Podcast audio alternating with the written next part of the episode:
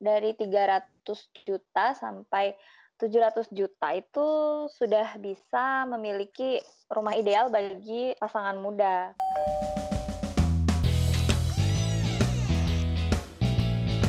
Halo kawan, balik lagi di podcast Mendekor. Aku di sini Cahaya Pertiwi dan di episode kali ini kita akan berbincang-bincang tentang rumah ideal bagi pasangan muda. Dan pastinya aku nggak sendirian karena aku ditemani dengan Kak Vira dari Yama Design. Halo Kak. Halo, selamat siang. Salam kenal, saya Vira Driti Satwika dari Yama Design Bali. Wah, boleh dijelasin sedikit Kak, Yama Design ini bergerak di bidang apa? Oke, Yama Design sendiri ini bergerak di bidang jasa konsultan desain arsitektur, uh, di mana kami biasanya melayani uh, desain uh, baik dari konsep sampai dengan gambar IMB lengkap. Seperti itu sih kira-kira. Jadi lebih ke konsultasi desain arsitektural. Wah ini kan jadi cocok banget sama tema kita kali ini karena Kak Vira pasti udah berpengalaman untuk menangani pasangan-pasangan muda yang berkonsultasi untuk membuat atau menciptakan rumah impian mereka ya Kak. Iya betul, kebetulan sih beberapa klien kita memang atau target market kita sendiri itu adalah pasangan muda.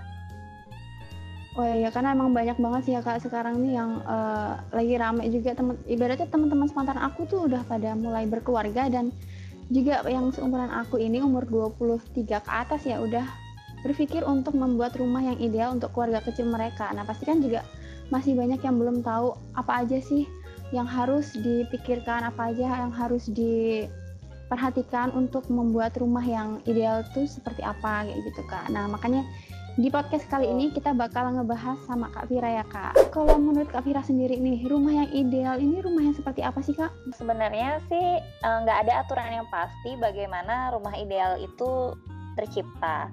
Jadi rumah itu kan adalah ekspresi personal dari para pemiliknya.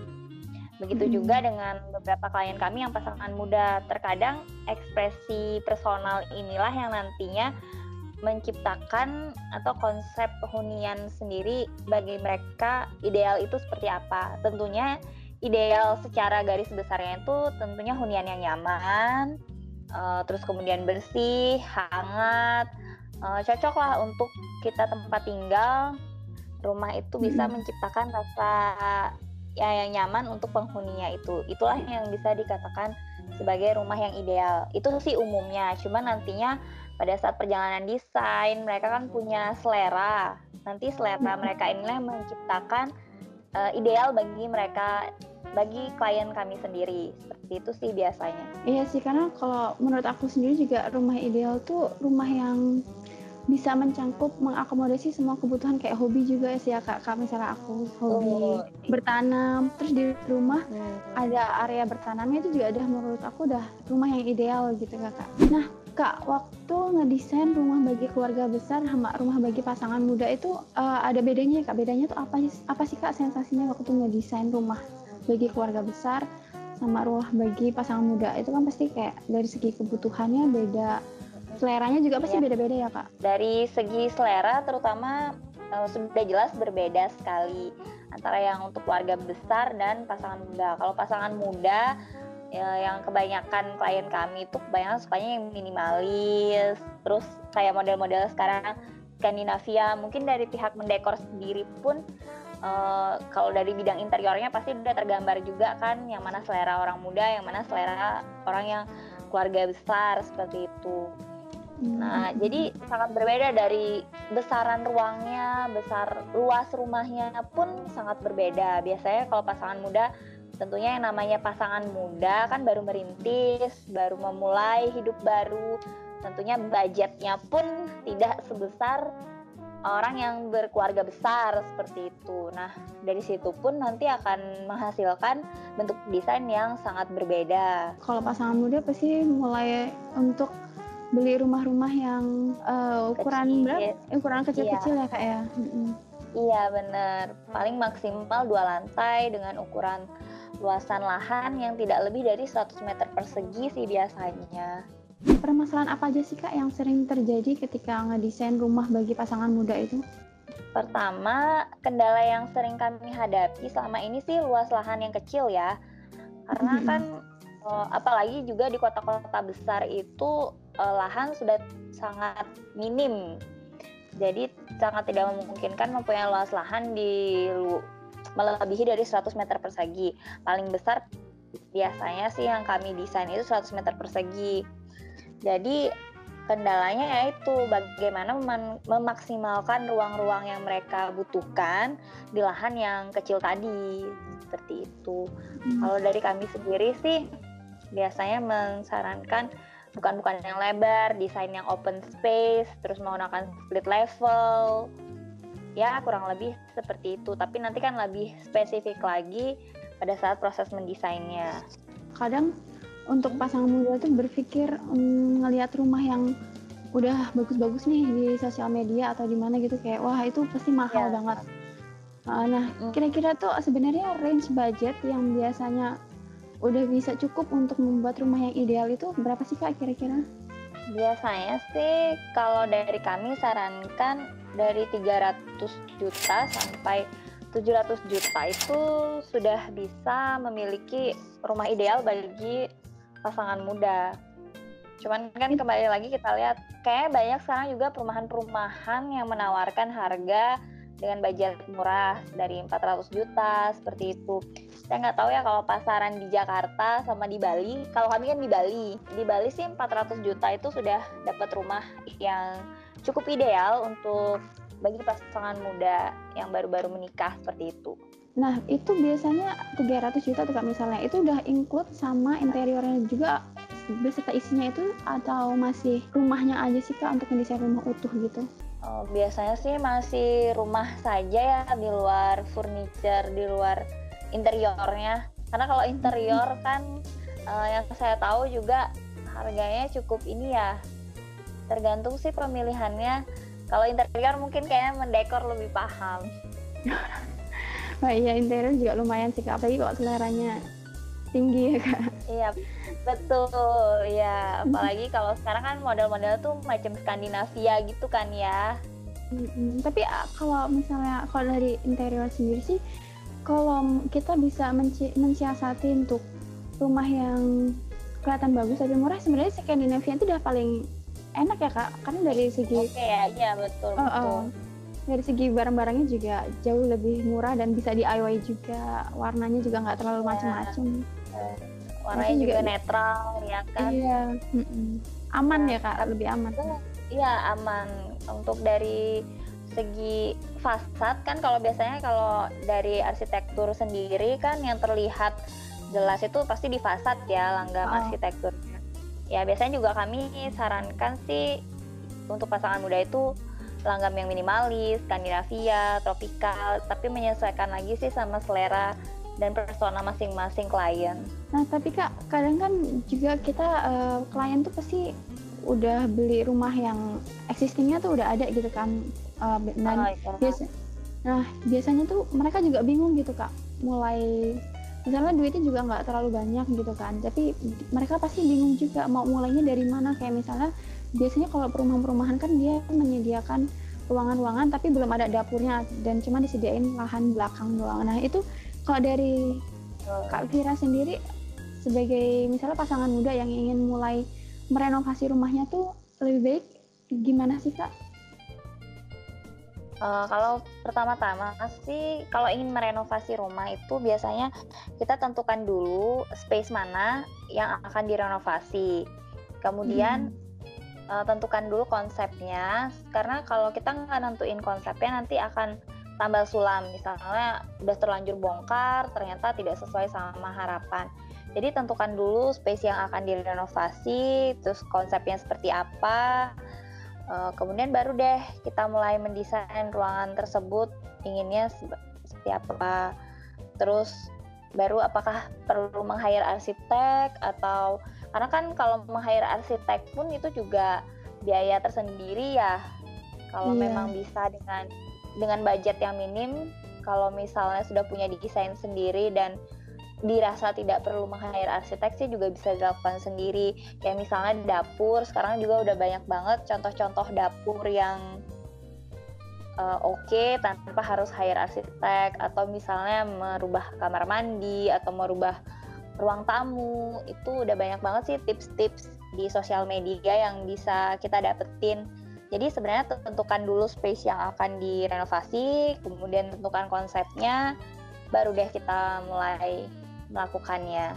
Konsep itu penting banget ya kak. Takutnya ntar berubah ya, waktu di jalan itu benar-benar jadi ya, selain memperjelek ya. desain juga memperlama nambah biaya juga ya, ya kan?